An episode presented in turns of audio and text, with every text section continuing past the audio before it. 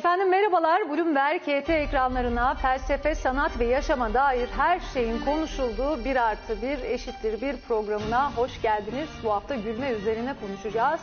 İnsan nelere güler ve neden güler sorusu insanın doğasına dair merak uyandıran konulardan bir tanesi. İnsan güler peki.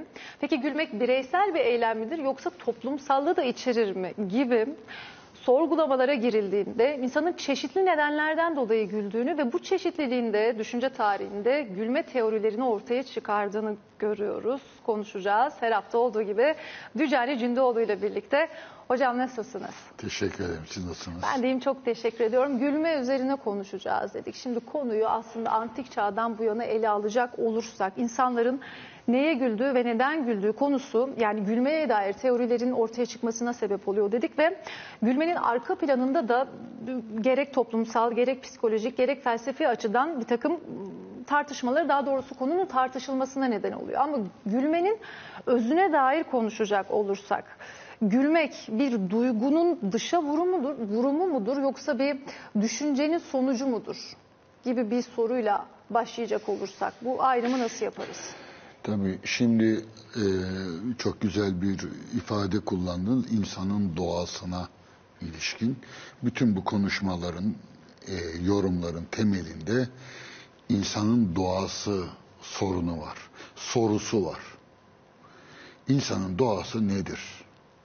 Şimdi e, izleyicilerimiz hatırlarlarsa geçen hafta biz e, oyun kavramı üzerinde konuştuk ve orada da oyunun ciddiyetle karşı karşıya getirilmeye çalışıldığına dair e, bir takım görüşleri aktardık. Ben bunları eleştirdim ve dedim ki oyunun en temel ilkesi ciddiyettir.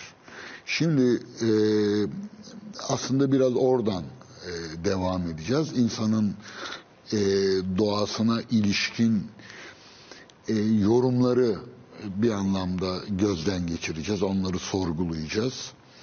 Tabii e, kaç tür e, yani nasıl sınıflayabiliriz kabaca? Şimdi e, birincisi felsefi açıdan gülmenin tarihi konuşulabilir. Felsefi yorumlar. Tabii isterseniz antik çağa gidiyoruz. Ve Platon'un, Aristoteles'in ki Aristoteles bu konuda ayrıcalıklı bir yere sahiptir. Çok belirleyicidir. Birazdan göreceğiz. Ee, gülme üzerine ne düşünüyorlar? Şimdi tabii e, gülme deyince gülmenin karşısında bir ciddiyet var. Aynı oyunun karşısında konulduğu gibi. Ee, bu e, yorumlar mesela diyelim ki gülme tebessüm, gülme, e, bir de katıla katıla gülme, kahkaha var. Kahkahada beden daha böyle sarsılır, ho ho ho filan gibi. E, dolayısıyla e, bunun bir bedensel yanı var. Bazıları bunu göreceğiz yine güdüsel olarak tanımlayacaklar. Özellikle gülmenin alanı neresidir? İşte ruhta mıdır? Bedende midir? Bedendeyse bedenin neresindedir? E, büyük e, şekilde gülmenin aynı kültürle güdüler arasında oyunu tanımlarken yapılan ayrıma benzer bir şekilde burada da gülmenin beden bedensel mi, bedende ne olup bitiyor gülme sırasında yoksa düşünsel mi, düşünmenin zıttı mesela olarak tanımlanır. Yani e, gülünç olanın karşısında ciddi olan nedir? İşte e, bu, bunun için e, insanın doğasına ilişkin teorileri gözden geçirmek lazım. E, bazıları dediğim gibi bunu felsefi olarak tanımlamaya çalışıyorlar ve çok az sorgulanmıştır. Yani antik çağda Aristoteles'ten sonra gülme üzerine çok derinlikli soruşturmalar yapılmamıştır. Bunu neye bağlıyorsunuz? E, çünkü gülme aslında insan dışı e, biraz kabul ediliyor. Yani gülme göreceğiz dalağın, bağırsakların faaliyeti olarak da yorumlanacak. Genital bölgeyle, fallik simgelerle alakalı. Bu tamamen dediğim gibi e, ya ruhla alakalı kabul edilecek e, ya da ruhun hangi bölümüyle alakalı öyle de diyebiliriz. E, ya da bedenle alakalı. Bedenle alakalı olduğunda işin içine fizik dolayısıyla tıp giriyor. Tıp gülmeyi, gülme mekanizmasını nasıl yorumladı? Antik çağda, orta çağda ve yeni çağda. Yeni çağda işin bu tarafı bırakıldı. Bunun yerine psikolojik yorumlar denendi. İşte Lips'i biliyoruz, efendime söyleyeyim, Freud'u biliyoruz. Ee, sosyolojik yorumlar ortaya çıktı. Bu önemli. Ee, Homeros'tan itibaren özellikle tragedya ile komedyanın ortaya çıkması üzerinden e, gülme daima toplumsal ve hatta siyasal koşullarla ilişkili olarak yorumlandırıldı. E, antik çağda e, gülme ile ilgili konuşabilecek çok şey var. Hiç kuşkusuz orta çağda da var. Ama orta çağın gülmeye bakışıyla antik çağda gülmeye bakış arasında nasıl bir devamlılık, süreklilik ilişkisi var? E, bunu gözden geçireceğiz. Dolayısıyla esas itibariyle şöyle diyebilirim. E, Platon ve Aristoteles'ten sonra özellikle Aristoteles çok belirleyici olmuştur. E, bir anlamda hocasını devam ettirmiştir ama analizleriyle derinleştirmiştir. 17. yüzyıla kadar neredeyse gülme üzerine ciddi bir soruşturmayla karşılaşmıyoruz. İşte Hobbes'un bir makalesini biliyoruz. Sonra Kant devreye giriyor. Sonra arada tabii başka isimler de var ama filozoflardan örnek veriyorum. Hegel var. Özellikle estetik üzerine yaptığı derslerde. Kant e, yargı gücünün eleştirisinde bu görüşleri öne sürer. E, Schopenhauer var, Nietzsche var, efendime söyleyeyim. En son tabii Fransızlardan e, Bergson var. Bergson hatta Baudelaire'i unutmamalıyız bu arada. Ee, en son en iyi yorumculardan bir tanesidir bence. Rable üzerine çalışmalarıyla da ünlü Bakhtin. Oyun teorisiyle de ilgili çok şey söyler. Ee, Mikhail Bakhtin. Ee, fakat yani 17, 18, 19, 20 işte şey son 400 yıl. Yeni çağ. Orta çağda ne var? Orta çağda e, gülme daha çok tıpla sınırlı e, tutuluyor. Bunun da nedenleri var. Fakat neticede gülmeyi nasıl açıklıyorlar ve nerede e, konumluyorlar? Bu konuda e, Alman geleneği için söylüyorum. isimlerini de aktardım. Epey yorum olmasına karşın e, gülme üzerine ittifak edilmiş bir şey, konsensüs, bir uzlaşma var mı deseniz yok. O bakımdan ben de e, bu akşam biraz kendi yorumlarımı da işin içine katacağım. Yani kendi yapılandırmalarımı öyle söyleyeyim. E, ama biz gülmenin tarihini e, anlatmayacağız. Sadece gülmeye bir açıklık e, getirmeye çalışacağız. Şimdi geçen hafta oyunla ilgili konuşurken e, şöyle bir giriş yapmıştık. E, aydınlanmada insan homo sapiens olarak tanımlandı. 19. yüzyılda yani 18. yüzyıl bu 17-18 19. yüzyılda e, özellikle işçi sınıfının sanayi devriminin etkisiyle birlikte e, buna e, homo faberle mukabele edildi. Yani insanın belirleyici e, organı tabiri caizse e, dimağı, zihni değil elleridir dendi. Eller olunca o zaman alet yapan, üreten e, insan kavramı ortaya çıktı. İşte e, Hevzinga'dan örnek vererek de şey dedik homo ludens'i e, devreye soktu ki daha önce kullanılan bir tabirdir bu. Oyun oynayan insan. Şimdi ben buradan bu e, üçlemeyi dikkate alarak Yunan'da insanın doğası nedir üzerine yapılan açıklamaları özellikle hepsi de Aristoteles'e ait. E, bu açıklamaları hatırlatmak ve buradan hareket etmek istiyorum. Şimdi e, çok ilginç insanın doğasından söz edildiğinde insanın diğer canlılarla örneğin hayvanlarla ortak yanlarından ziyade sadece insana özgü yanı insanın doğası dendiğinde insanı insan yapan, insanın başkalarıyla başka canlılarla paylaşmadığı e, hangi özellikleri vardır? Şimdi Aristoteles'in e,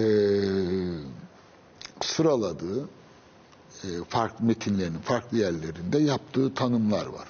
Çok ilginç. Benim tespitlerime göre başkaları başka e, bu listeyi belki genişletebilirler.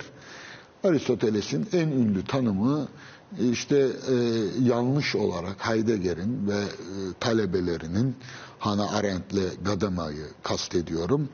E, zoon, logon, ekon tabirini kullanıyorlar. E, oysa Aristoteles'in böyle bir tabiri yoktur. Logon, ekon vardır ama zoon, logon, ekon yani konuşma yetisine sahip, konuşabilir canlı e, anlamında Aristoteles'te bir tabir geçmez. Fakat ben Boetius'la birlikte yani Orta Çağ'la birlikte Latince'de e, de e, karşılık bulan animal rasyonale e, konuşma birdenbire düşünmeye evriliyor. Bu çok önemli. E, bu e, Boetius'un çevirileriyle oluyor. Ondan evvel e, Aristoteles'in tabiri e, milattan sonra işte ikinci, üçüncü yüzyıllarda zoon logikon halini alıyor. Yani konuşan insan tabiri e, insanın özü olarak tanımlanıyor. İnsan nedir sorusunun yanıtı insan konuşan canlıdır. Fakat insan sadece bundan mı ibaret? Daha evvelde birçok kez örnek verdik. Aristoteles zoon politikonu kullanıyor. Zaten birincisine zoon'un eklenmesi biraz da bu politikondan dolayı. Zoon politikon diyor. E, politikonu nasıl çevirmiştik hatırlarsanız? Toplumsal siyasal canlı. E, Toplumsal bir varlık. Arılar gibi, karıncalar gibi ama e, hayvanların e, iletişimi sesle oluyor, fone ile. Fakat insanınki logosla oluyor. Yani insan dışında hiçbir hayvan konuşmaz. E, ses çıkarırlar ama onların ses çıkarmalarına konuşma denmez Aristoteles'e göre. E, dolayısıyla e, insan e, arılar gibi, e, kurtlar gibi, karıncalar gibi bir e, toplumsal bir canlı mıdır? E, Aristoteles politikasında bu örneği de veriyor. Üçüncüsü, çok ilginç, Aristoteles sadece insana özgü olarak adlandırdığı tanımlardan bir tanesi işte bizim özellikle evrim literatüründen artık kullanıma girmiş olan Homo erectus. Yani dik duran canlı. Sadece insan dik durur. Bunun tarihi çok ilginçtir. Dik durmanın tarihi. Ve zannedildiği gibi bu Darwin'le falan başlamaz. Darwin'den çok önce bilinir insanın dik durması e, ve epistemolojik olarak merkeze alınır. Bunun üzerine çok zengin bir malzeme var. E, en azından benim kişisel olarak topladıklarımdan hareketle bunu rahatlıkla söyleyebilirim. E gelelim sadede ne kadar İnsan aynı gelinebilirse. zamanda gülen bir canlı. Evet insan zoon glastikondur. Yani insan sadece insan. Aristoteles diyor ki gülme insana özgüdür. Yani e, hayvanı natık olduğu gibi insan orta çağda Arapça tabiri, tabiriyle hayvanı dahıktır. Şimdi e, insanın özü e, gülme ise ve aynı zamanda düşünme ise bunlar birbirlerini tamamlıyor mu? Birbirlerini e, itiyor mu? Burada bir uzlaşmaya varılır mı? İnsanın özü gülme olsa bile çünkü her düşünen güler, her gülen düşünür. Yani her insan düşünüyorsa, her insan gülüyorsa dolayısıyla her gülen düşünür, her düşen düşünen güler. Burada bir mutabakat var, uzlaşma var. E, o bakımdan insanın e, gülen canlı olması, düşünen canlı olması ne anlama geliyor? Sanki Aristoteles'te bunlar birbirine eşitmiş. Aristoteles bunları birbirine denk tanımlar gibi kullanılıyor zannedilebilir. Hayır.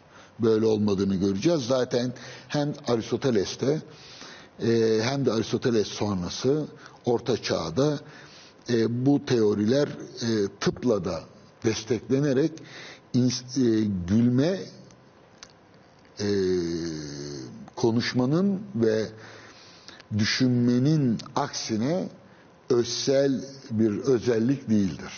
Yani mantıkta mesela e, Orta Çağ'daki bütün mantık metinlerinde insanın e, tanımı yapılırken e, tanımlarda biliyorsunuz insanın özüne ilişkin tanımlar bir de ileneklerine, arazlarına ilişkin tanımlar olarak ikiye ayrıldı Orta Çağ'da Stoacılardan sonra. Birine e, definition, birine description yani birine hat, diğerine resm dendi. E, logos yani nutk, konuşma ya da e, sonraki yorumuyla düşünme insanın hep özsel tanımı içerisinde yer aldı. Yani bu tam tanım bir definition olarak kabul edildi. Bir tanım olarak kabul edildi. Diğeri bir betim. Yani resm, e, gülme. Yani insan aslında özüne ilişkin kabul edilmiyor. Daima insanla birlikte bulunuyor. Ama e, düşünme gibi, konuşma gibi zati kabul edilmiyor. Arazi kabul ediliyor. İlineksel kabul ediliyor. Bu niçin böyle? Acaba niçin gülme hiçbir zaman düşünmeyle yan yana gelemedi? Aynı değerde görülmedi, karşı karşıya getirildi. Oysa ki espri dendiğinde o bir düşünce ürünü yani bir düşünmenin sonucu olarak ortaya çıkar. Aslında mizah dediğiniz şey tam anlamıyla bir düşünce temeline oturtulmuş bir durum. Ee, tam öyle diyemeyiz çünkü mizahta e, mizahı e, gülünçten ayıran yanı mizahta e, ciddiyetin gülünçün arkasına saklanmış olmasıdır. E, dolayısıyla sadece düşünsel olarak O ciddiyeti yaratan şey de düşünce değil mi? ama gülme değil işte. Yani e, e, mizah dediğimiz şey e, e, güdülerin içerisine düşüncenin de katılması. Mesela öyle diyelim ki ben şimdi bir fıkra anlatırım. Sadece tebessüm edersiniz. Ya da bir şey söylerim, tebessüm edersiniz. Tebessüm nasıl bir şeydir, edimdir? Dudaklarda başlar ve biter hafif. Yüz fazla kasılmaz bile. Ama yine bir fıkra anlattım, güldünüz.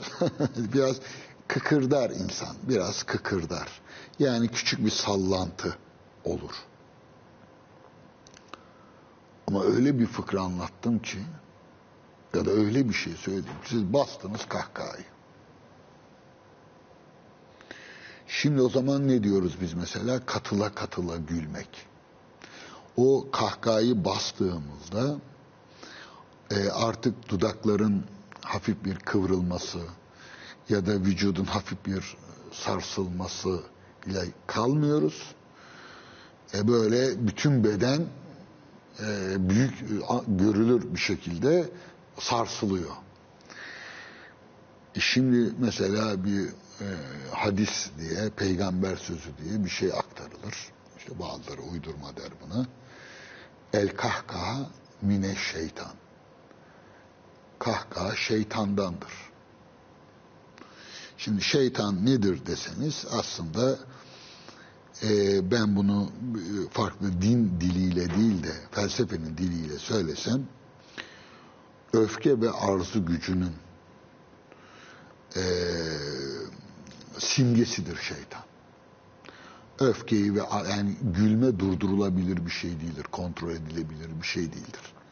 Ama tebessümde işin içinde düşünce olduğu için siz böyle katıla katıla gülmüyorsunuz. Orada hafif bir dudak kıvrımı yetiyor. İşte espri e, o yüzden onun Türkçesini bulmamız lazım. Espriyi nasıl Türkçeleştireceğiz? Düşünelim. E, muhtemelen çünkü espri e, fikir anlamına gelir Hı. aslında. Ben Osmanlıca'ya bunu çevirebiliriz. Dolayısıyla Arapça da bir karşılık bulabiliriz. Latife. Latife insanı tebessüm ettirir. Ee, hanımefendi bugün çok şıksınız desem e, hoşunuza gittiğinde tebessüm edersiniz. Çünkü burada bir latife var. E, işin içinde bir zeka var. E, dolayısıyla ama bir kusur söylesem, bir başkasının kusuruna işaret etsem muhtemelen gülebilirsiniz. Dolayısıyla gülme daima bir yetersizlikle alakalıdır. Bu yetersizlik zihinsel bir yetersizlik olduğunda mı güleriz? Bedensel bir yetersizlik mi? İşte ben burada e, kendi düşüncemi e, hemen söyleyebilirim. İleride buna geleceğim. E, şöyle düşünüyorum. Gülme ile e, tabii bizi izleyenler gülmenin bugünkü karşılığını düşünmemeliler. 2500 yıllık en az 2500 yıllık bir tarihi ve yapılan yorumları hem bilimsel yorumları antik çağın bilimsel kanaatlerini, orta çağın bilimsel kanaatlerini, Rönesans'ı vesaire e, e, bir 2500 yılı göz, göz önünde bulundurarak konuşuyoruz. E, eğer e, üst sınıflar alt sınıflara gülüyorsa onların zihinsel yetersizliklerine, eğitilmemişliklerine gülerler. Çok kaba bir benzetme yapacağım, herhangi bir kastım yok. Şehirliler, köylülerin zekalarıyla alay ederler. Türk filmlerini akla getirin. Hacivat'la Karagöz'ü aklınıza getirin. Ee, diyelim ki Şener Şen ve e, Kemal Sunal. Değil mi? Türk filmlerinde e, genelde bir tanesi zeki, kendince kurnaz, e, biraz daha eğitimli, biraz daha zeki görünür. Bir tanesi e, zeka olarak daha geri, e, biraz daha aptal, budala görünür ki budala çok ilginç, ciddiyetle gülünç arasındadır. Dostoyevski'nin budalasını unutmayalım. Oradaki idiot, idioterne, idiot e, İsa'yı temsil eder. Yani orada Prens Mişkin, e, Budala romanı için söylüyorum, İsa'nın e, karşılığıdır ve budalalıkta bir saflık vardır, bir temizlik vardır. O yüzden e, komedilerde, komedi filmlerinde filan kahraman diyebilir miyiz onlara ama filmin e, e, şeyleri, e, başrolündekiler genelde e, aptal görünürler ama bu aptallığın arkasında onları koruyan bir masumiyet, bir saflık vardır. Hatta öyle de bir yorum yapılır. E, Maria Magdalena Mecdelli Meryem'le Hazreti Meryem arasında iki Meryem ki üç Meryem vardır. Ee, şeyin İsa çarmıha gerildiğinde e, tab batı sanatında genelde o üç Meryem gösterilir. E, Meryem'le e, e, Hazreti Meryem'le İsa'nın annesi olan Meryem'le Mecdelli Meryem arasında, Maria Magdalena arasında işte şeyde e, Nastasya Filipovana e, Dostoyevski'nin romanında ne fark vardır? E, Mecdelli Meryem hayat kadınlığından Hazreti İsa'ya iman ettiği için İsa'nın ayaklarını saçlarıyla kurular. Yıkar ve saçlarıyla kurular. Mecdelli Meryem kötü yola düşmüş zamanında ve oradan işte e, içinizde masum olan ilk taşı assın e, sahnesini hatırlayın. Kişidir ve iffetlidir. Ama Hazreti Meryem iffetli değildir. Masumdur. Yani e, Mecdelli Meryem'in günaha girme ihtimali vardır ama kendini tutmaktadır. İffet kendini kontrol edebilme yetisidir.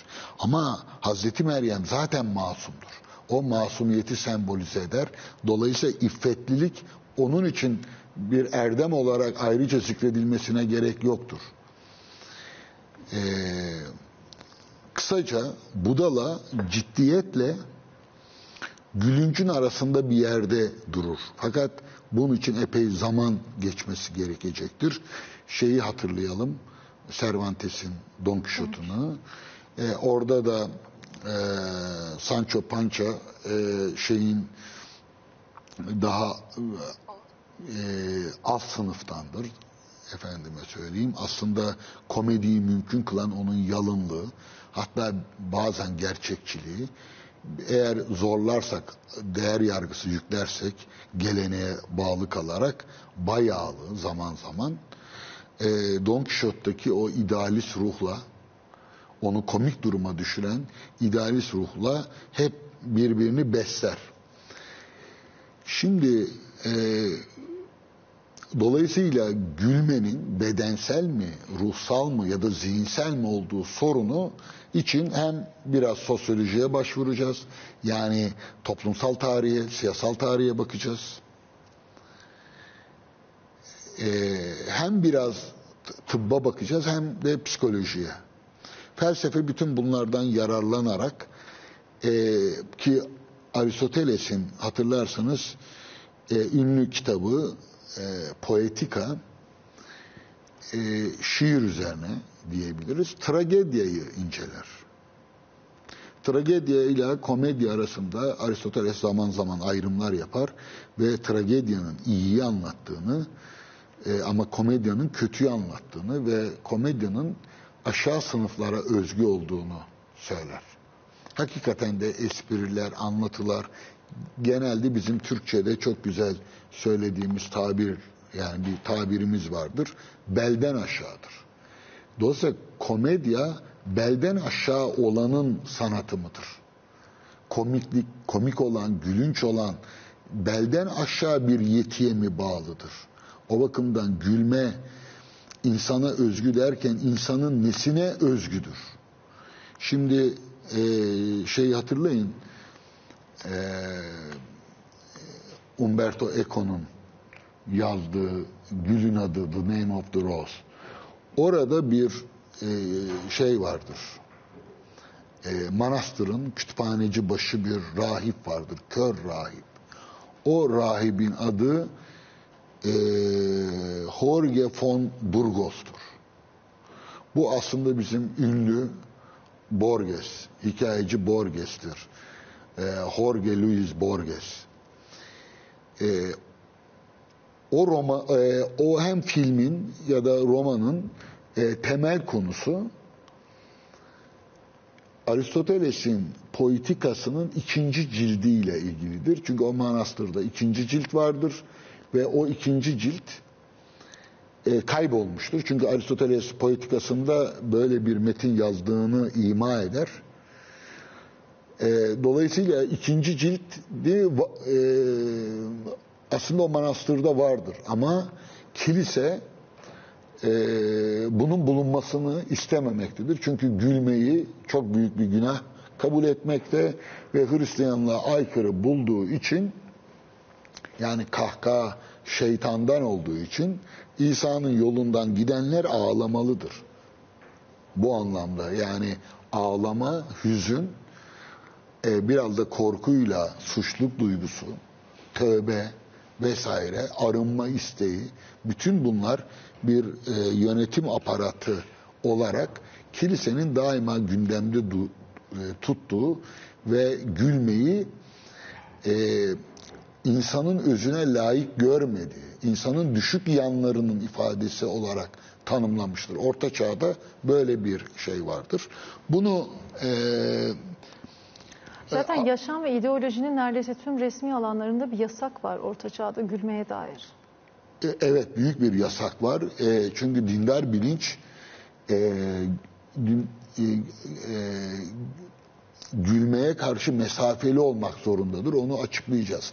Ama önce e, bizim tıbbi olarak bir çerçeve çizip e, gülmeyi çağlar boyunca e, tıp biliminde nasıl açıkladıklarına dair bir çerçeve çizelim. Sonra o çerçeveden e, hareketle e, gülmenin felsefesi üzerine düşüncelerimizi açıklayalım diye düşünüyorum. Gülmenin tıp bilimindeki karşılığı. Yani bunu geleneksel tıp anlamında mı ele alacağız ya da işte hani gülmenin aynı zamanda pozitif bir etkisi vardır ve iyileştirici bir gücü vardır. Bu anlamda mı? Bu çerçeveyi nasıl çizmeyi Bu, bu, bu çok e, modern. Aynen hocam ama e, bütün bu soruları ve devamını dilerseniz biraz soluklandıktan sonra konuşalım. Kısa bir ara verelim efendim. Akabinde devam edeceğiz. Kaldığımız yerden devam edelim. Tıbbın gülmeyi nasıl ele aldığını konuşuyorduk. Tıpta gülme e, nasıl bir mekanizma olarak açıklanıyor? O zaman dilerseniz çerçeveyi buradan başlayarak devam ettirelim.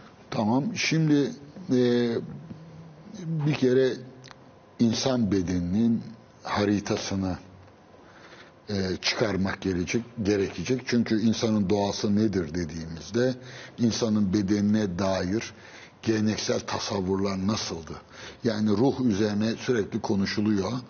E, yani ruh e, sözcüğü kullanılmadan, terimi kullanılmadan e, neredeyse 20. yüzyıla kadar doğru dürüst bir felsefi metin bulmak güçtür. Yani ruh her yerdedir.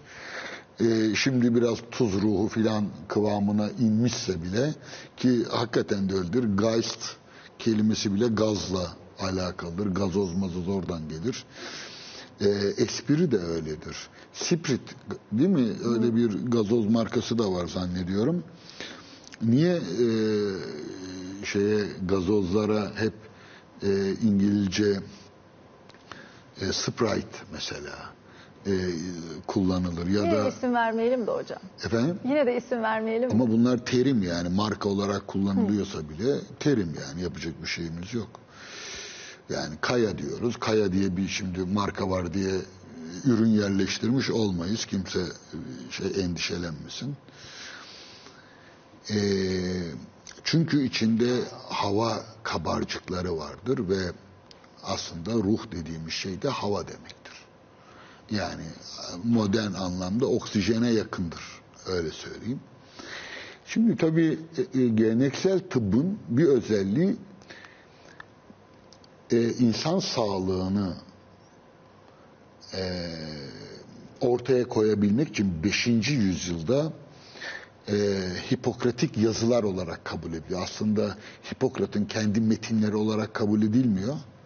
Yani otoriteler Hipokrat'ın kendi metinleridir demiyor. Ama Hipokratçıların metinleridir deniyor.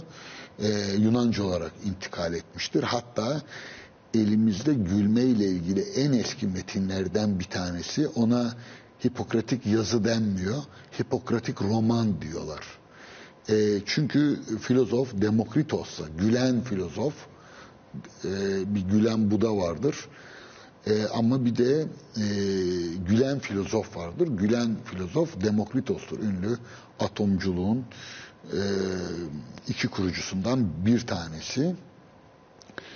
E, o metinde Hipokrat'ın Demokritos'la görüşmesi ve bunun için Abdera halkı tarafından Abdera'ya davet edilmesi ve bunun üzerine e, şeyin delirdiği e, çünkü bir gülme krizine tutulduğu devamlı güldüğü filan e, delirdiği filan söylenir. Hipokrat oraya gider filan. Şimdi buna belki fırsat bulursak gireceğiz. Çünkü bu gülme metinlerinin en temelinde e, bu Hipokratçı roman e, yer alır. Fakat biz Hipokratçı romanda değil, Hipokratçı yazılardan söz ediyoruz. Dolayısıyla tıbbın iki tane temel e, otoritesi, bir tanesi Hipokrat'tır, bir de onun yorumcusu olarak e, bir Hipokratçı olarak ama kendisi de e, ikinci bir kutuptur öyle diyeyim. Galen, Galenos. Şimdi e, elimize bunların Arapçaları da ulaştığı için çok yönlü olarak inceleyebiliyoruz. E, iklimler, havalar ve sular diye bir risale vardır. Bu risale çok ilginç. Daha sonra felsefede Empedokles'le, Aristoteles'le meşhur olabilecek e, doğanın açıklan, açıklanması bakımından dört unsur teorisini içerir. Hatta bazıları diyorlar ki ba, bazıları buna e, bu metin e, daha sonradan yazılmıştır filan diyor. Çünkü metnin içinde e, Hipokratik metinler içinde Empedokles'e çok ağır eleştiriler var. Ve Empedokles'in e, dört unsur teorisine ilişkin. Oysa aynı e, külliyat koleksiyon içerisinde Hipokratçı koleksiyon içerisinde havalar, e, e, yerler ve sular diye bir metin var. Dolayısıyla kısaca izleyicilerimize şöyle özetleyebilirim. Geleneksel tıp, antik tıp hatta Yunan tıbbını dan sonraki bütün tıp tarihini dikkate alarak söylüyorum geleneksel tıbbın insanın e, sağlığını korumayı amaçladığını, bu Osmanlıca'da, Arapça'da hıfzı sıha tabiri de oradan gelir. Hıfzı sıha, sıhhati korumak demektir. Yani tıbbın asıl amacı hastalandıktan sonra tedavi etmek değil, bu da ne? Üç, üç şeyle tedavi edilir. Biliyorsunuz otla, yani droglarla, ilaçla, bıçakla, yani ameliyatla, sözle. Ee, bu Zerdüş'te de atfedilir bu söz. Dolayısıyla geleneksel e, tıp insanı iyileştirmekten ziyade onun hastalanmasını engellemeyi amaçlamıştır. Buna koruyucu hekimlik filan deniyor. Bugün de hatta bazıları onları e, diriltmeye çalışıyor. Şimdi bunu nereden başlayacaksınız? Şehir insan nerede yaşıyor? Yer. Yaşadığı yer. O zaman şehirlerden başlayacağız. İyi de şehirler nerede kuruluyor? O yüzden şehirler nerede rüzgar alıyor? Ee, işte Poyraz nereden esiyor? Lodos nereden esiyor? Ona göre şehrin planı yapılmalı. Yani şehirler inşa edilirken e, tabipler orada e, rüzgardan vesaireden ki Vitruvius diye ünlü bir mimar elimize ulaşan biz onunla ilgili bir program yapmıştık dostlarla. E, Vitruvius'un mimarlık kitabı da e, şehir inşasında, bina inşasında aynı malzemeye atıf yapıyor. Bunların hepsi aslında bu hipokratik e, tıpla alakalıdır. E, bir, su, su, su, o şehrin su durumu nedir ve suyunun kalitesi nedir? Önce bu incelenecek, hava incelenecek, dağı arkasına mı alacak, işte nasıl olacak, deniz kenarında mı olacak, tepede mi olacak filan. Askeri kısımları demiyorum ama sağlık koşulları bakımından şehrin e, niteliklerinin şehir kurulmadan evvel tespit edilmesi aslında sadece mimari bir sorun değil, şehir planlaması ile ilgili bir sorun değil, aynı zamanda tıbbi bir sorundur. E, hal böyle olunca o zaman yeryüzünün iklimlere ayırmak gerekmiştir ve bir iklim teorisi ortaya çıkmıştır. Bizde ekelimi seba denir. Mesela işte Kanuni Sultan Süleyman'dan filan böyle padişahlar yedi iklimin sultanı der mesela. Bu yedi iklimi bilen beri gelsin. Yedi iklim nedir? Ee, tabii e, hoca olduğumuz için hep derslerde tahtaya çiziyorum ama izleyicilerimizin irfanına itimat ederek zihinlerinde e, bir daire çizsinler. Daireyi tam ortadan ayırsınlar. Onu ekvator olarak kabul etsinler. Ekvatorun en altına yani Afrika'ya denk gelecek şekilde en alta bir, üstüne iki yazsınlar. Üst kısmına 6 ve 7 yazsınlar. Sol taraftan Cebeli Tarık'tan başlayarak 3, tam böyle işte Anadolu'nun oralara geldiğinde oraya 4, Bağdat filan da dahil. Yani e, Türkiye'nin biraz doğusu.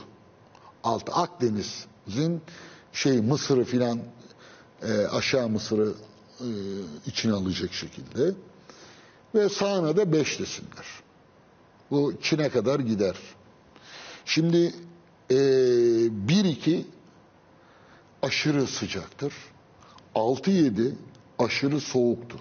Burada yaşam elverişli değil. Burada uygarlık olmaz. E, o yüzden Hegel bile çok ilginç Sibirya'nın tarihi yoktur der. Sibirya tarihsizdir. İklim koşulları dolayısıyla orada Evet ve buna da buna buna da çok alınanlar e, olmuştur. E, Afrika için de aynı tabiri kullanır. Çok ağır laflar kullanır. Aktarmayayım burada. Geriye ne kalıyor? 1-2 gitti, 6-7 gitti. 3, 4, 5. 3 ile 5 idare eder. Ama 4 e, en ideal e, coğrafyadır. Şimdi dolayısıyla şehir kuracaksan, uygarlık kuracaksan burada kuracaksın. E şimdi bakalım insanlık tarihine. da. Evet, uygarlık tarihi tam dörtten başlıyor. Bir anlamda. E, 3 ile 5'e doğru yayılıyor. Yani Hindistan'a doğru ve Endülüs'e, şeye, İspanya'ya doğru. Sonrası yok. Yani Cebeli Tarık sonrası okyanus kabul ediliyor. Yani bitiyor orada dünya. E zaten üç kıta var. Unutmamak lazım. Kıtalardan bir tanesi Asya, bir tanesi Avrupa, bir tanesi de Libya. Yani Yunanlılar e, Afrika yerine Libya diyorlardı. Şimdi bu yedi iklim şu bakımdan önemli. Uygarlıkları ve ulusları analiz ederken onların tıbbi olarak mizaçları da analiz ediliyordu. Örneğin zenciler. Yani bu konuda bir çalışmam var.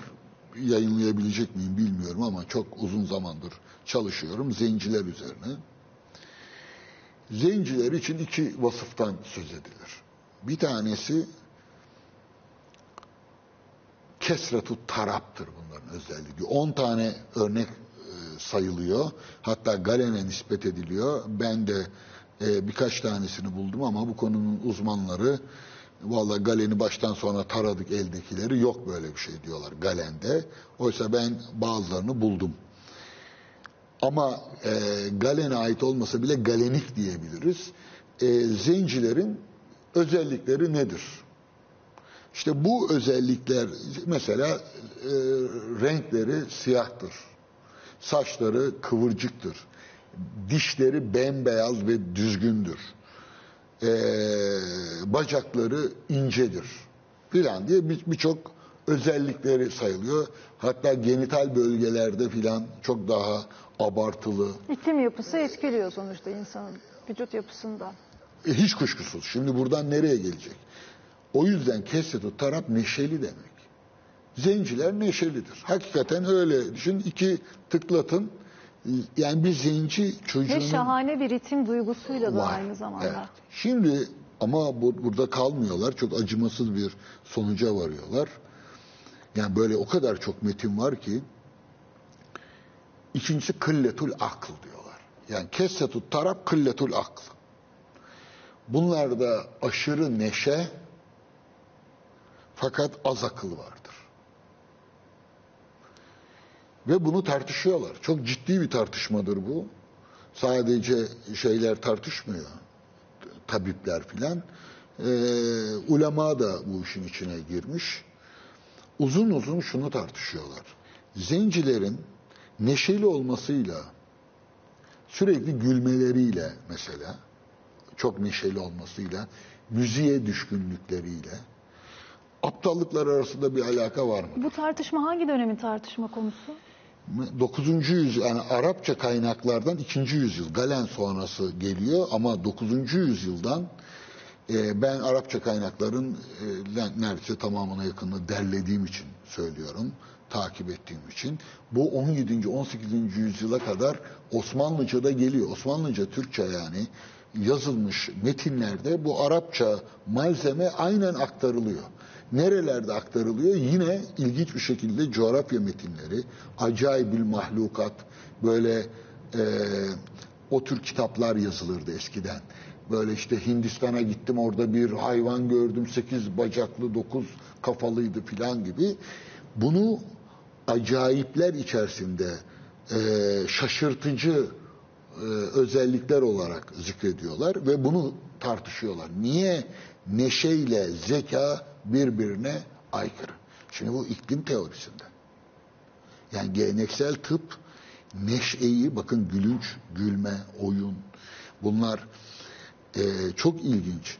Konuşma yeteneğinin kendisinden alındığı e, unsurlara atfediliyor. Mesela hep söylüyorum size şimdi yine tepki vermeyin sakın. Kadınlar. Mesela kadınlar hatip hitap eden kadınlar olmadığı için yani kadının kamuda kamu önüne çıkıp konuşması e,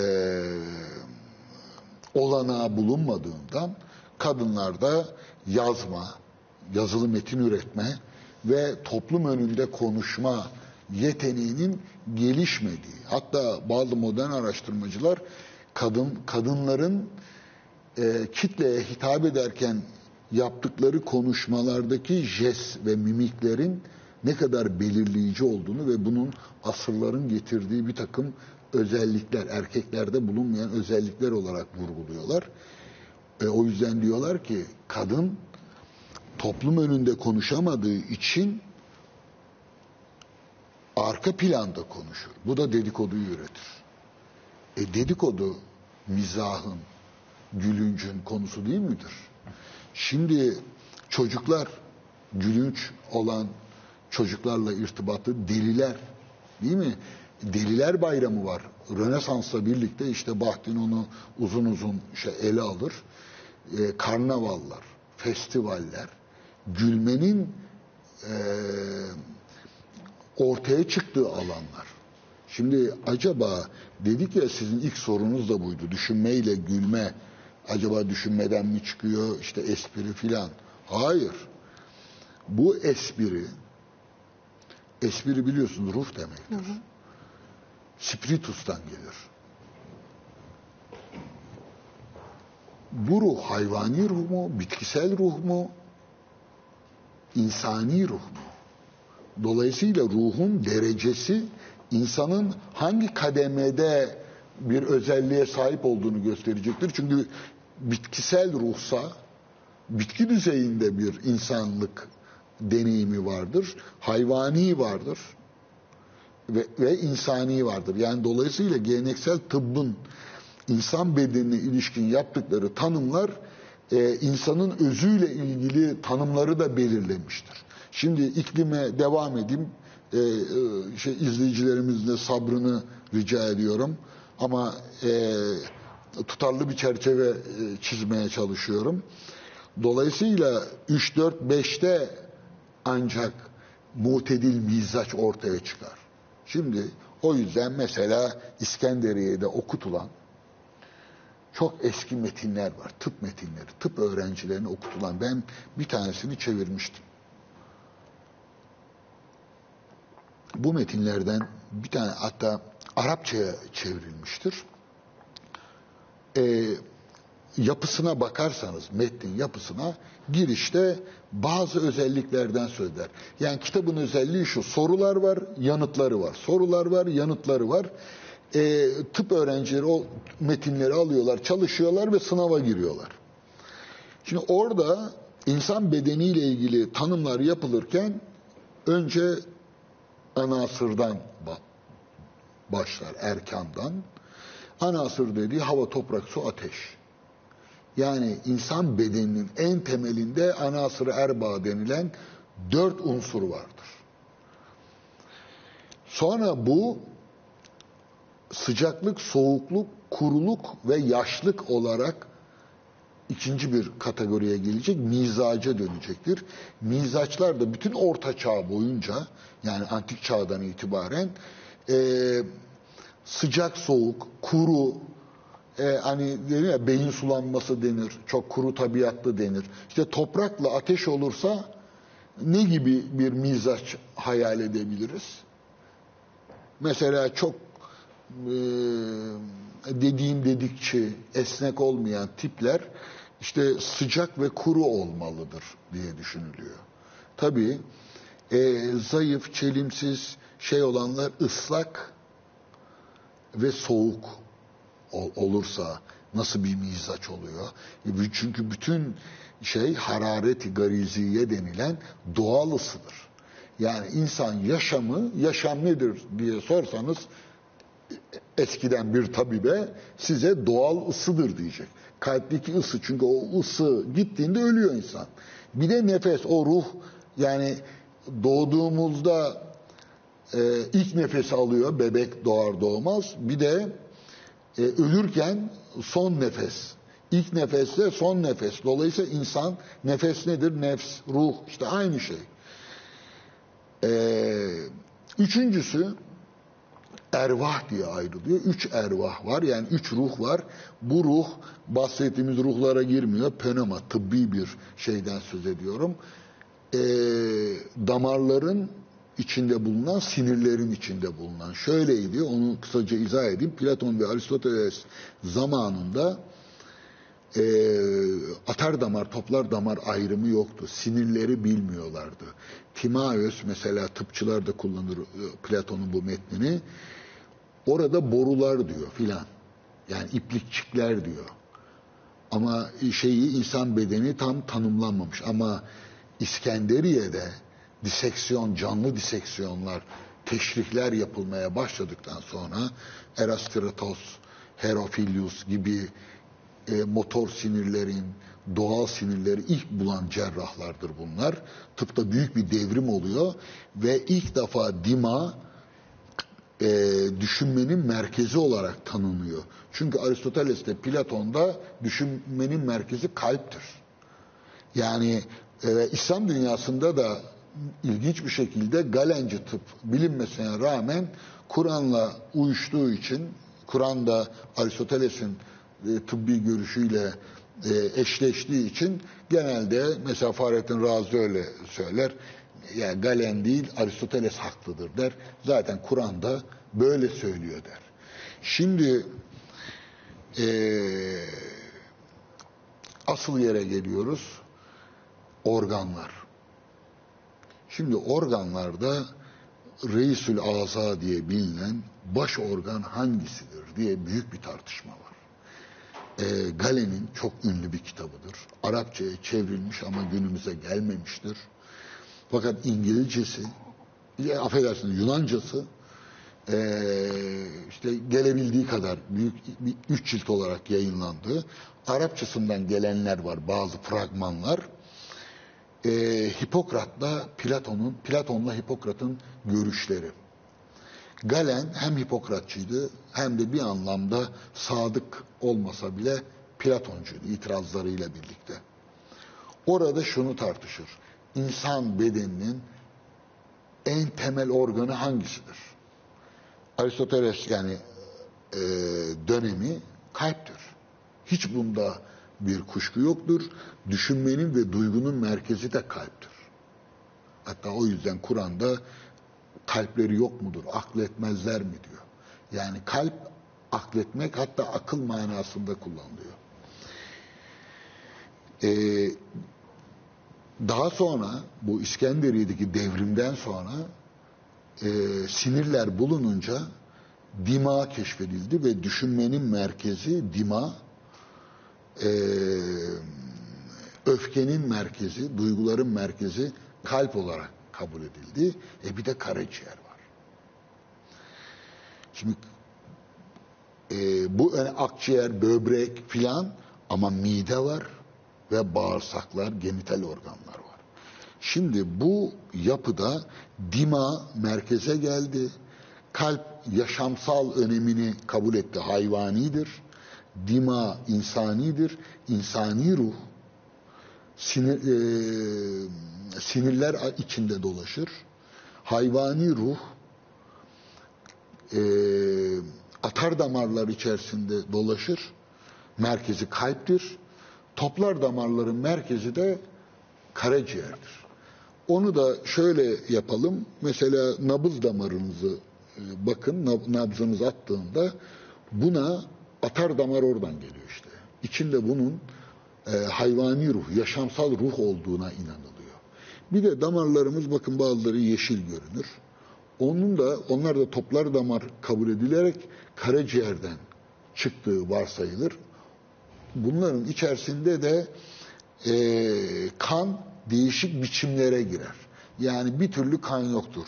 Mesela balgam e, akciğerdir temeli, soğuktur. Demi safi, saf kan denir.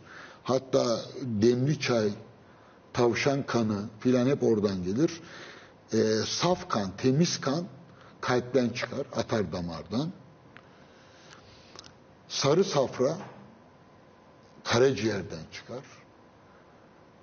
Kara safra dalaktan çıkar. İşte bu tabloda gülme dalaktan çıkar.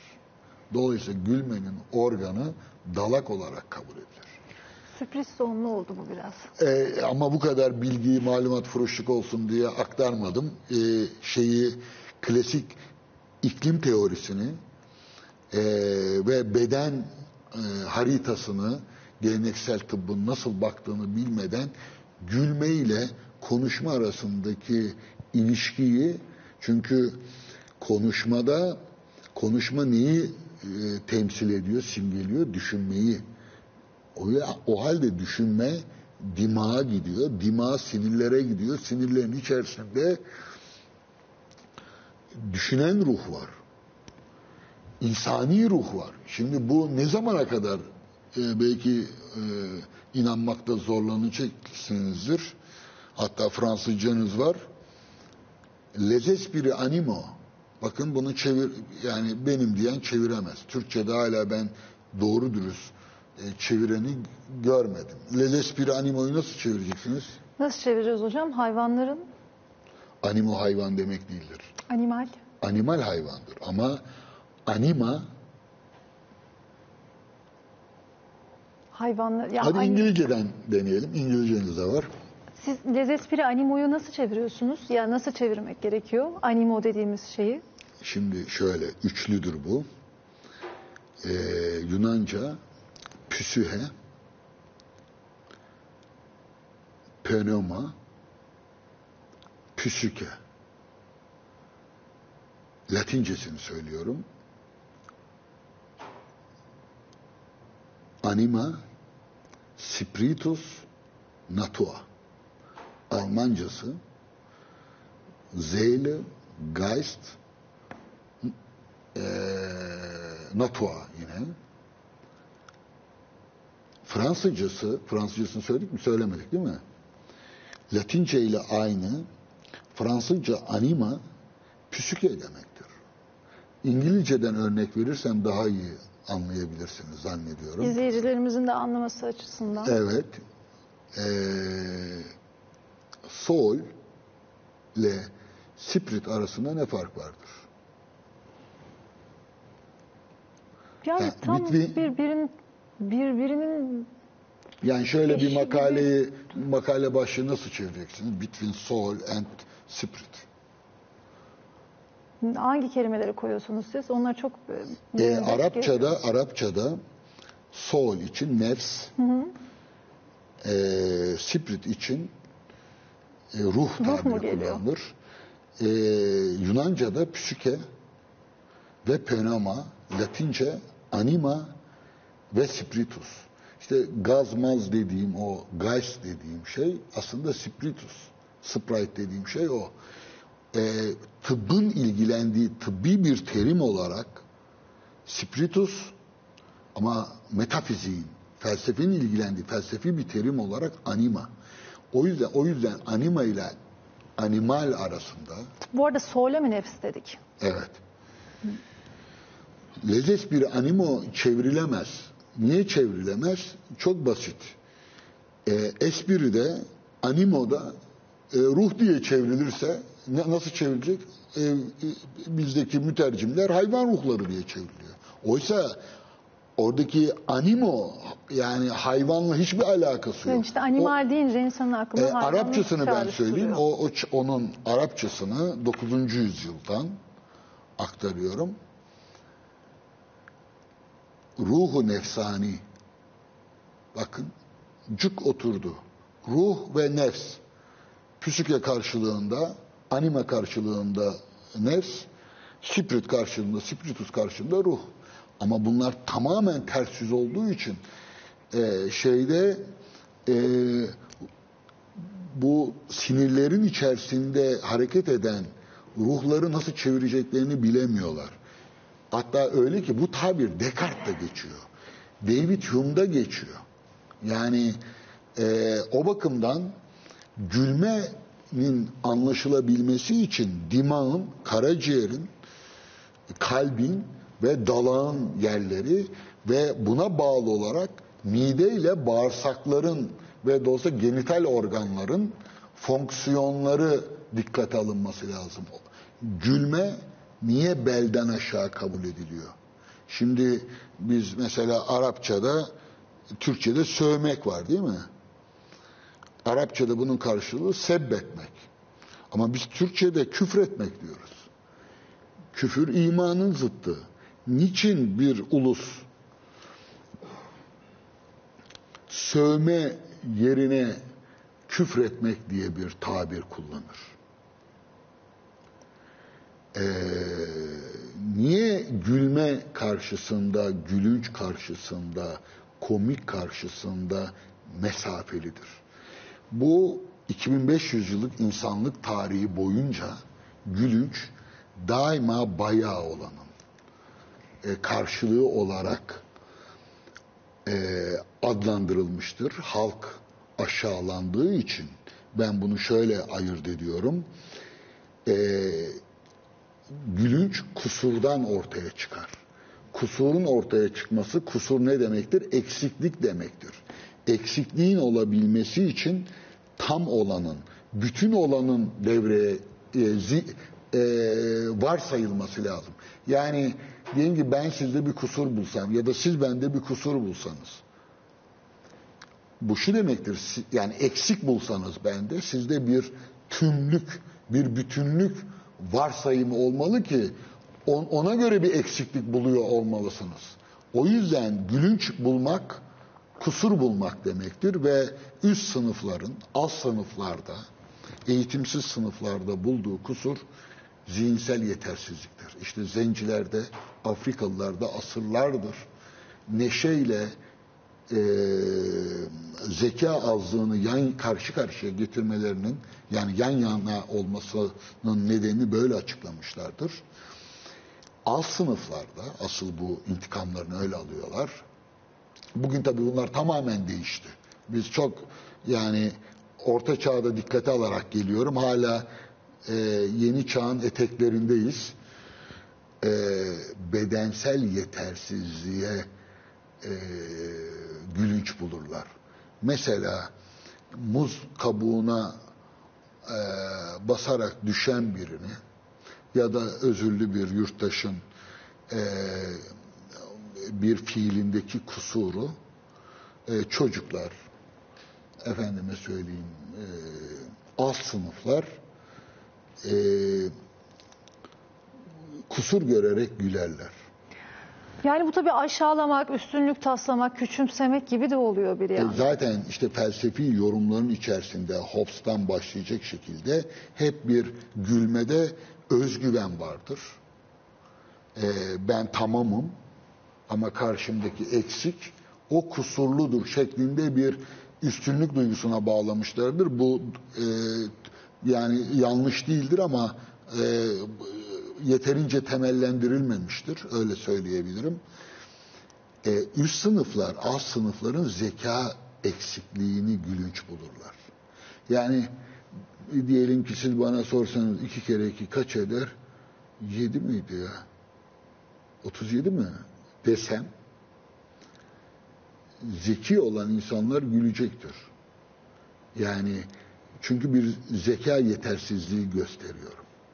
Ama diyelim ki e, kahvemi içerken üstüme döksem,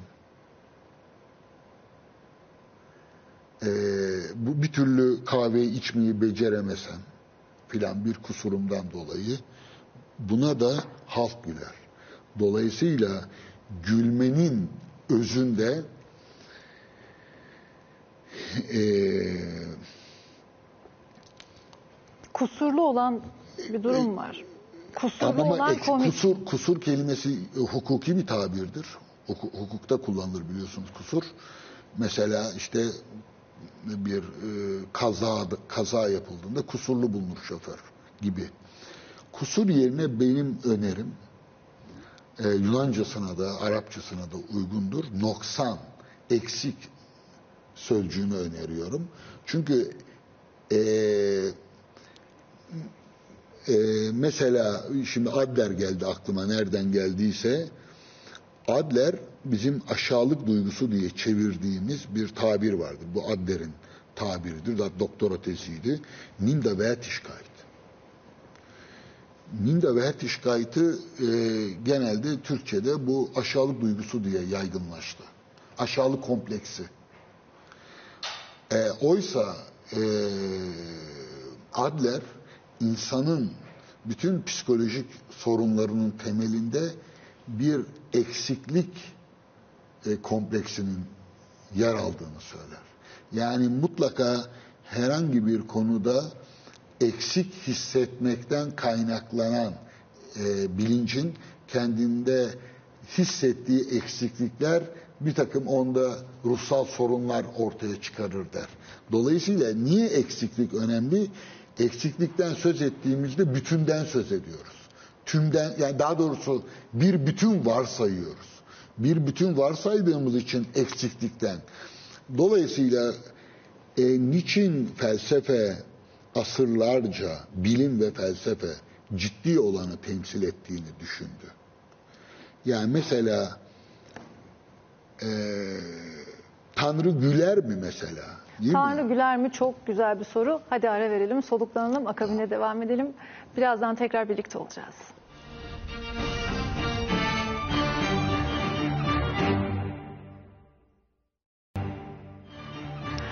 Kaldığımız yerden devam edelim. Çok vurucu bir soruda kaldık. Tanrı güler mi? Tanrısına göre değişiyor. E, Homeros'ta Zeus gülüyor. Tanrılar da insanlara gülüyorlar. Çünkü e, antik çağda e, Panteon'da, Olimpos'ta e, ölümlülerle ölümsüzler rekabeti var. Ölümsüzler önce dağın tepesi, Olimpos'un tepesinde, sonra gökte. E, ölümlüler de bir sürü ızdırapla, sıkıntıyla e, uğraşıyor. Dolayısıyla onların yetersizlikleri tanrılar için bir kusur göründüğünden gülünmeye değer bulunuyor. Ama e, bazı yorumlar da var mesela. Tanrı evreni gülerek yarattı. Hatta e, bir anlamda Tanrı'nın kahkahasıyla yaratıldı. Kahkahada yaratıcı bir şey de görülüyor. Şimdi e, tabi Tanrı'nın gülüp gülmemesi Tanrı'nın gülmeyi hoş karşılayıp karşılamamasıyla yani biz çünkü din dediğimizde e, Sami dinleri olarak Yahudilik, Hristiyanlık, Müslümanlığı filan e, varsayıyoruz. İlk aklımıza gelen o, o bu. Ama e, insanlık tarihi boyunca dinlerin geçirdiği evrimi de dikkate alırsak bugünkü din anlayışını da gülmek mesela bugün e, normal vatandaş için muhafazakar biri için gülmek çok kötü karşılanmayabilir. Sağcılar gül- gülebilir. Ama ben dindar bilinçten söz ediyorum. Dindar bilinç güler mi? Çünkü dindar bilinçle ilgili benim yaptığım bu e, adlandırma biraz yanlış anlaşılıyor. Ona da açıklık kazandırayım. Ben bir sosyal grubu e, ya da dinsel bir grubu filan kastetmiyorum. Yani dindarlar demiyorum, İslamcılar demiyorum. Öyle desem bir sosyal gruptan söz etmiş olurum. Ben e, ya da İslam'la ilgili bir şeyden de söz etmiyorum. Dindar bilinç dediğimde belli bir düşünme tarzından söz ediyorum. Dolayısıyla dindar bilinç deyince yani bunun içinde Budisti de var, Hristiyanı da var filan. Dindar bilinç felsefi bir adlandırma.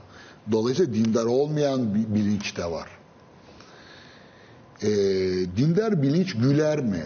Şimdi kilise demin e, Jorge von e, Burgos'a baktık. O rahip e, şeyin Eko'nun şeyiyle e, tasarımında e, komedyanın bulunmasını istemiyor. Çünkü gülme Tanrı'yı unutturur. Gülme laballiktir, lakaytlıktır. Gülme gevşekliktir. Gülme e, bağırsaklara tabi olmak demektir. Yani Kontrol kontrol edilemez. İnsanın bedensel olarak, yapısal olarak en alt e, bölgelerine ait, belden aşağısına aittir. O yüzden cinsellik, müstehcenlik vardır. Günah vardır. Mide ve genital organlar. Dolayısıyla dindar bilinç tam tersine işte zina yapmayın mesela. Şimdi e, haramlar var, yasaklar var. Ben e, tabii e, e, burada doğrudan dindar bilincin gülmeyle, gülünçle arasına koyduğu mesafeyi tartışmadan evvel. Çünkü bu sadece dindar bilinçle sınırlanamaz.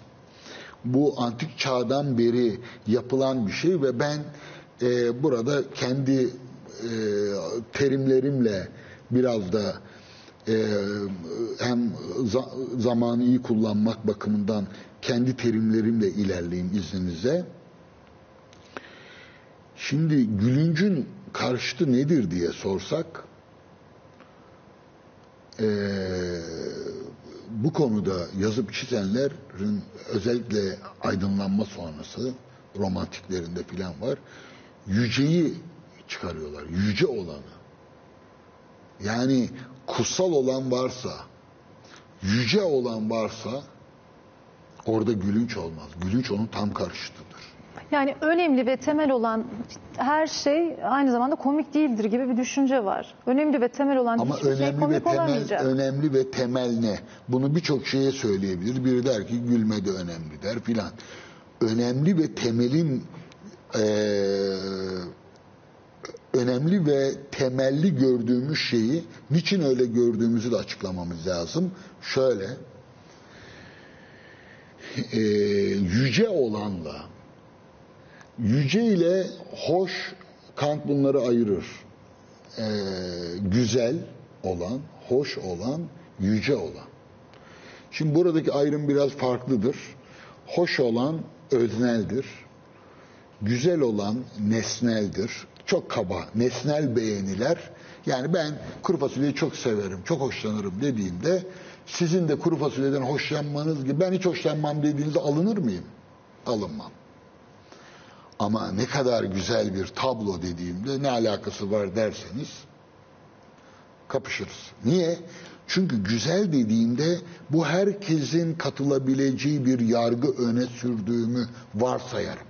O yüzden güzeli nesnel kabul ederim ve orada tartışırım. Ama hoş öznel. Bu Kantçı bir açıklama. Peki yüce ne? Yüce olan var mıdır? O da tartışılır ama biz neye gider? Katedraller yücedir. Orta çağda yüce, heybetli olandı. Büyük mesela piramitler değil mi? Yüce yapıtlardır. Yüce büyük olandır. İnsanı ezer. Katedraller öyledir. Neredeyse göğe uzanır. Bakın bir kelime kullanacağım. Heybetlidir. Heybet kelimesi korkuyla alakalıdır. Yüce korkutur. Kant yüceyi sonsuz olanda buluyor. Bize kendimizi aciz hissettiren şey yücedir diyor. O yüzden hayranlık ve korku vardır.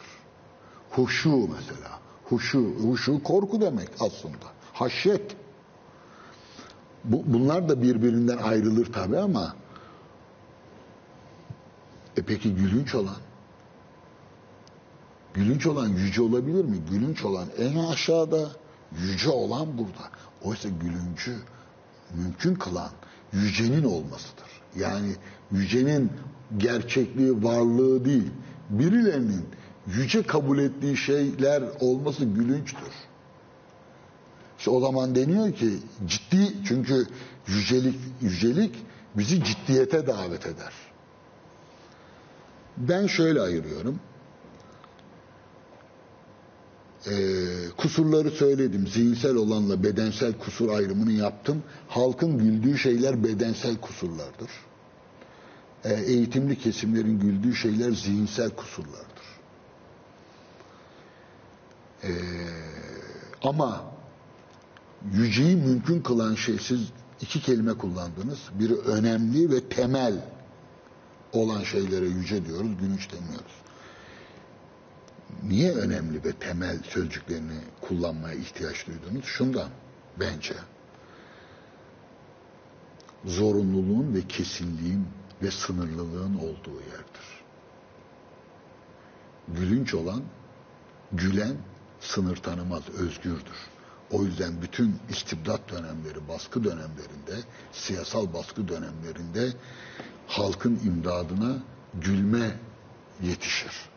Karikatürler, gülünç olan yani gülme her türlü ciddiyeti, her türlü yüceliği, ağırbaşlılık, sakinlik, vakar. Ee, bir çocuğun gülmesi bütün şeyi töreni yerle bir edebilir. Bir kahkahaya bakar sahici bir kahkahaya. Kralın çıplak olduğunu gören güler. Gülerse herkes kralın çıplak olduğunu görür. Kim görür kralın çıplak olduğunu? Deliler görür. Çocuklar görür. Sıra dışı olan görür. Şimdi bunu e, kavramsal olarak temellendireceksek gerek kavramından yararlanmamız gerekir. Niye? olanla olması gereken ayrımı bence gülünçle ciddiyeti ortaya çıkarıyor. Yani olması gereken daima bir olan değil, olması gereken toplumda, siyasette, hatta doğada olması gerekeni varsaydığınızda zorunluluk, kesinlik, boyun eğme, itaat ve ciddiyet talep edersiniz. Dolayısıyla Nietzsche'nin meşhur ettiği bir ayrımdır bu. Apolloncu, Dionysosçu ayrımı.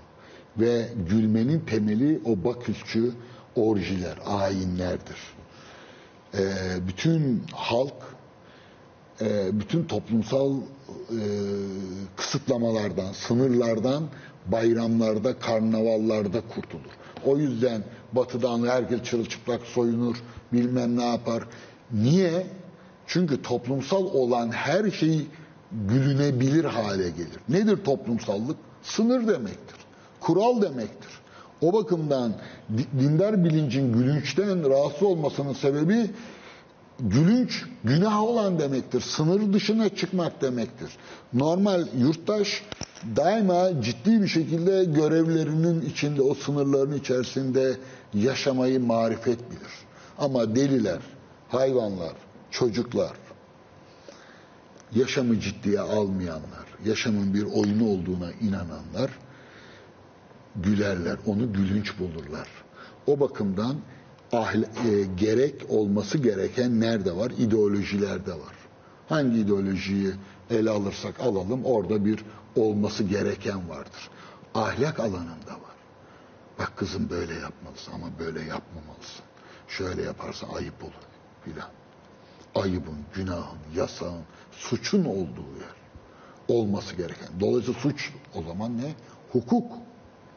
İşte toplumsal ve siyasal olan yani hukukun, ahlakın, kutsalın, yücenin, büyük büyük abartılmış sınırların olduğu her yerde bağırsaklar çalışır ve gülünç ortaya çıkar.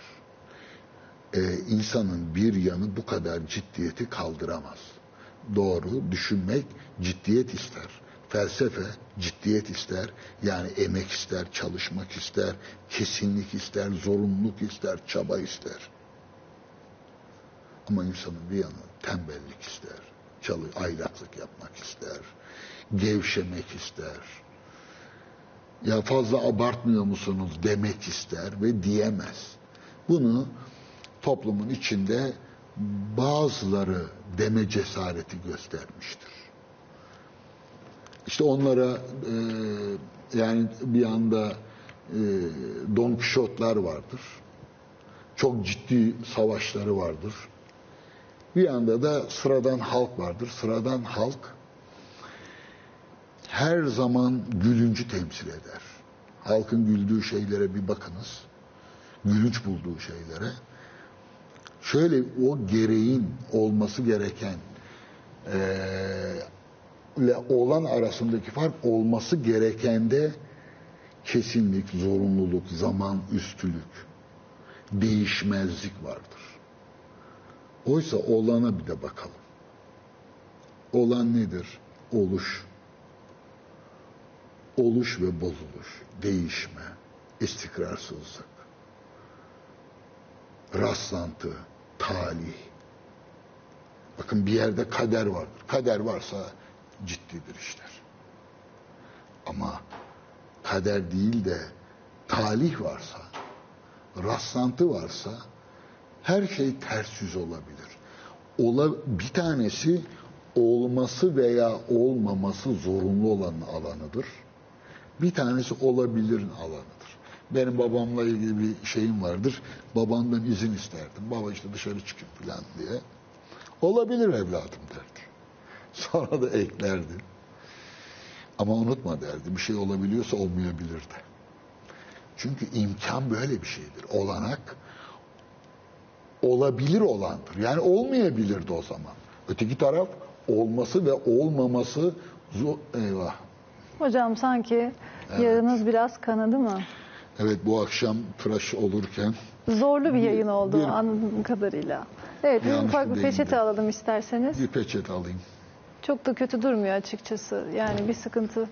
Evet teşekkür ederim. Kusura bakmayın. Yok yok estağfurullah. Bizde olan ve olması Bu akşam gerekenden- bir tıraş kazası yaşadım ama iyi, iyi da- dayandık ama son anda. Hayır çok yani. İşte mesela bakın bütün bu var gücümüzle bir yayın yaptığımız ortaya çıktı bu şekilde de. evet, mesela gülünç bunu bu niye gü- gülünç mü bu? Hayır. Gülünç olabilir. Yani kişisine göre değişir. Bunu gülenin de çok sempatiyle yaklaşmam açıkçası. Niye? Benim e, espri alanım, Çünkü- benim espri çünkü- anlayışımla çünkü- bir değil. Çünkü şöyle, gülünç nerede ortaya çıkar? Gülünçün başında daima şaşırma vardır, şaşma. Şaşma bir kararsızlık halidir, kuşku vardır. O yüzden ciddiyet daima dogmatiktir. Dogmatik olan da kuşku olmaz. Kuşku kararsız olan da, belirsiz olan da olur. Bir size tencere verdim, büyükçe bir kap verdim. Tencere kapağı var, açtınız bir kuş serçe uçtu. Ee, önce bir şaşırırsınız, kuş olduğunu anlarsanız gülebilirsiniz. Gülme bir şaşkınlığın arkasından gelir. Klasik tıp, e, Kindi mesela böyle açıklar. E, Birçok ortaçağ kayıtlarında gülme hep bir heyecanın ve bir tacibin, şaşkınlığın arkasından gelir. Ama açtınız, kabı bir yılan çıktı. Gülebilir misiniz? Mümkün değil. Ee, demek ki eğer muz kabuğuna basıp düşen adam ee, o halde düşerse güleriz. Diyelim. Yani en azından bazıları güler. Gerçi bu muska bu bizim ülkemizde pek bulunmuyor. O yüzden bizde bu örnek çalışmıyor diye düşünüyorum.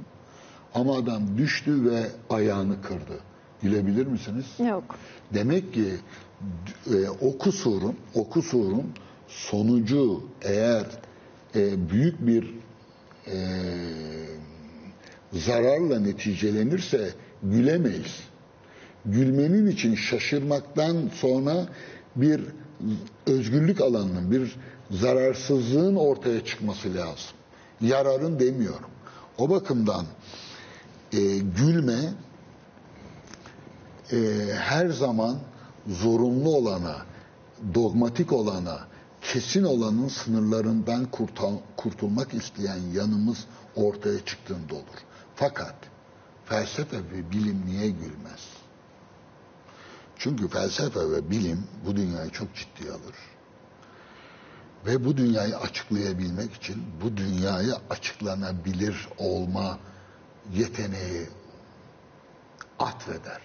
Yani dünyayı yasalı bir düzenlilik olarak, şaşmaz bir yasallık olarak görür. Bu da üç kavramla açıklar, açıklayabiliriz. Ya ya da ne ne de. Mesela bu sayı ya tektir ya çifttir. Ortası olmaz. Gülemeyiz.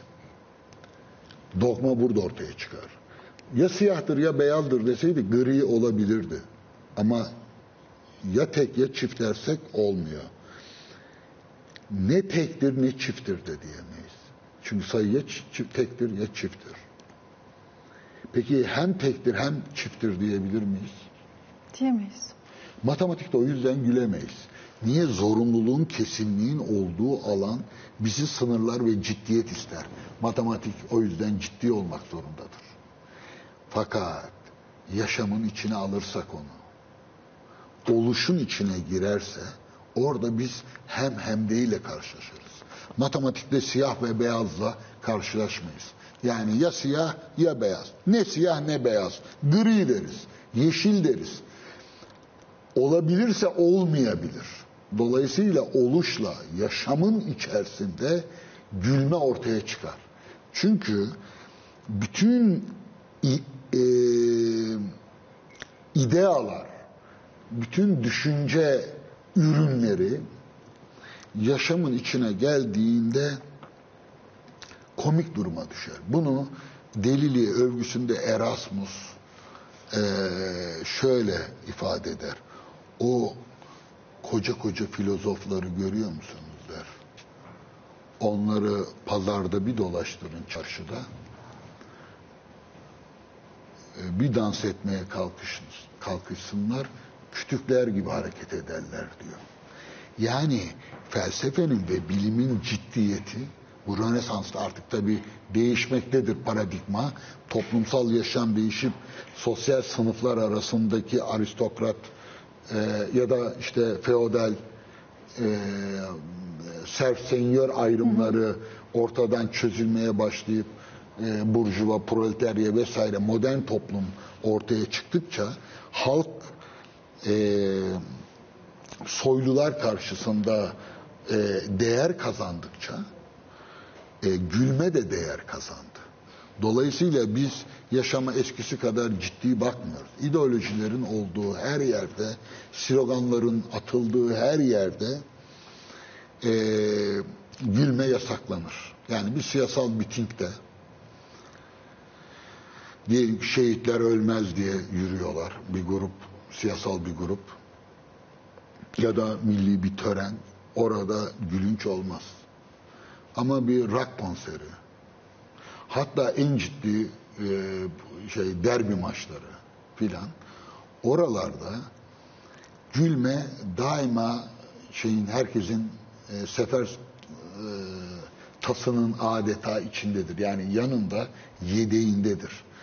E, gülme oluşta ortaya çıkar, olanakta ortaya çıkar, dogmaların, abartıların, kesin inançların çözüldüğü yerde ortaya çıkar. O yüzden bağırsağa e, nispet edilmesi ve belden aşağı görülmesi e, cinsellikle birlikte toplum dışı kabul edilmesi toplumu yönetmek için bilimin ve felsefenin siyasete ciddi bir dünya görüşü sunma isteğinden kaynaklanıyordu.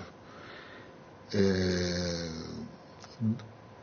fakat halk e, önem kazandıkça bu aslında bir anlamda çağdaş demokrasilerin ortaya çıkmasıyla birlikte e, gülünç de yaşamın normal yanlarından biri oldu ve bayağı olanı, düşük olanı, işte bağırsakları, genital organları filan değil, e, insan zekasının ciddiye, dünyayı ciddiye alan tarafına karşı başka bir mekanizma ki siz onu e, demin e, bir şekilde söylediniz.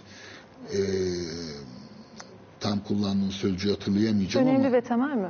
yok. E, gülme sağaltır, rahatlatır anlamında bir e, ifade kullanmıştınız. Aslında şu noktaya gelecektim ben orada. Gülmenin toplumsal bir işlevi yani çok önemli bir toplumsal bir işlevi yok mudur? getirmek istiyordum mesele. Yani kral çıplak denmesi bir noktada çok önemli değil midir? Şimdi tabii Gülünç olma e, gülme, pahasına. gülme e, zannediyorum bir siyasal iktidarın korkması gereken en yıkıcı silahtır. E, ciddiyeti, büyük palavraları, o ideolojik palavraları onlarla tartışarak, onları ciddiye alarak eee, geçersiz kılamayız. Eee, o yüzden toplumun eee, ince zekasının devreye girmesi lazım. Eee, mesela bakın eee, bütün yakınmalara, bu TikTok'lar, işte Twitter'lar vesaireler hepsinde sosyal medya diyelim topluca onlara sosyal medya bir aşağılanmaya tabi tutuluyor. Sosyal medyayı ki hakikaten öyledir. Ben biraz e, yakınında dolananlardanım. Sosyal medya işte e, çoluk çocuğun, dizgin, e, ciddiyetin olmadığı, e, kesinliklerin bulunmadığı bir alan olarak görülüyor. Belirsizlik insanı korkutur. O bakımdan sosyal medyada denetlenmesi zor bir alan. Ama bugün ülke sosyal medyada nefes alıp veriyor. Çünkü diyelim ki televizyon kanallarının önemli bir kısmı çok ciddi. İşte sunucular mesela değil mi? Canım biz de burada ciddi bir program yapıyoruz günün sonunda. Ee, ama şey izleyicilerimizden sürekli bir ciddiyet, bizi ciddiye almalarını beklemeliyiz. E doğru, bur- burada çünkü ciddi konuşuyoruz. İşte zamanımız var. O zaman içerisinde konuyu fazla dallandırmadan e, tamamlamaya ya da işlemeye çalışıyoruz. Ama sosyal medyada diyelim ki ben e, kendi kanalımda program program yaparken yani sohbet yaparken e, şey yapıyorum, çaka yapıyorum. Bana şey demişlerdi mesela. E, biraz hocam e, Alcı'ya da işte şey Mikrofon kendine al mı? mikrofon al. Hatırlıyorum onu, ses sistemi gibi şey. E, Ben, ben de e, sinirlendim babanızın uşağı mı var dedim. Şimdi burada ben diyebilir miyim herhangi bir izleyiciye? Burada ciddi adam olmak zorundayız. Konuları ciddi ele almak. Biz hem e, izleyicilerimizi ciddiye almak zorundayız hem onlar bizi ciddiye almak zorunda. Burada bir ciddiyet buradaki iletişimi mümkün kılıyor. E ama e, acaba bunu e, diyelim ki programdan sonra bu konuyu konuşmaya devam etsek, acaba burada söylerken kendimizi sınırladığımız, dikkatli olduğumuz, mesela örnek biz mesela gülünce hiç örnek vermedik. Değil mi? Yani komedyalarda nelere gülünür? Komikler neye gülüyoruz biz mesela? Yani aslında bir toplumun neye güldüğü de o topluma dair çok büyük ipuçları verir. Diye düşünüyorum öyle değil mi? Ama bütün halk, bütün yani İngilizler de, Al- Amerikalılar da, Türkler de, Çinliler de hemen hemen üç aşağı beş yukarı. Mizah yapma tarzları farklı olur ama. Şimdi e, tabii mesela bir İngiliz şeyi var, soğukluğundan söz edilir. Zeka güçlendikçe ama bu da iklim teorisiyle alakalı işte. Yani mesela çok ilginç uygarlığın çıkmadığı alanlar çok sıcak alanlar ve çok soğuk alanlar. Uygarlığın çıkabilmesi için uzlaşmanın olması lazım. Yani sıcakla soğuk ılık olmalı. Uygarlık aslında biraz e, ılık bir şey. E, sı- sıcaklık e, çok gevşek bir tabiat ortaya çıkardığı gibi soğukluk da buz gibi bir tabiat ortaya çıkıyor. Adı üzerinde yani şey frişit diye bir tabir vardır. Soğuk demek. Yani şimdi e, sıcaklık mesela çok sıcak kanlı deriz. Bunlar hep geleneksel tıbbın tabirleri. Sıcak kanlı, işte çok soğuk filan gibi. E, ılığı bulmalıyız. Ilık da genelde Akdeniz olarak kabul edilmiştir asırlarca. Ve Akdeniz ne çok soğuk ne çok sıcak işte şey e, ılıman ılıman bir iklimdir denilmiştir. E, toplumlarda şimdi Çinliler mesela e, onların e, özellikle Korelilerin gülme e, biçimleri mesela nasıl bulursunuz hiç kişisel kanınızı mesela öğrenmek isterim. Çin, Çin filmlerinde filan vardır, Kore filmlerinde. E, Japonlarda biraz daha sert karakterler Tabii var. tabii. O Korelilerde daha çok vurguya dayalı bir konuşma olduğu için, daha çok hani vurgudan biz kelimenin ne olduğunu anladığımız için farklı bir gülme tarzları var. Ben şimdi kendi e, şeyime, e, kanaatimi söylemeyeyim. E, yakışıklı almaz zaten. Ama geleneksel bir yine Hipokratçı, Galenci bir tabibe sorsaydık.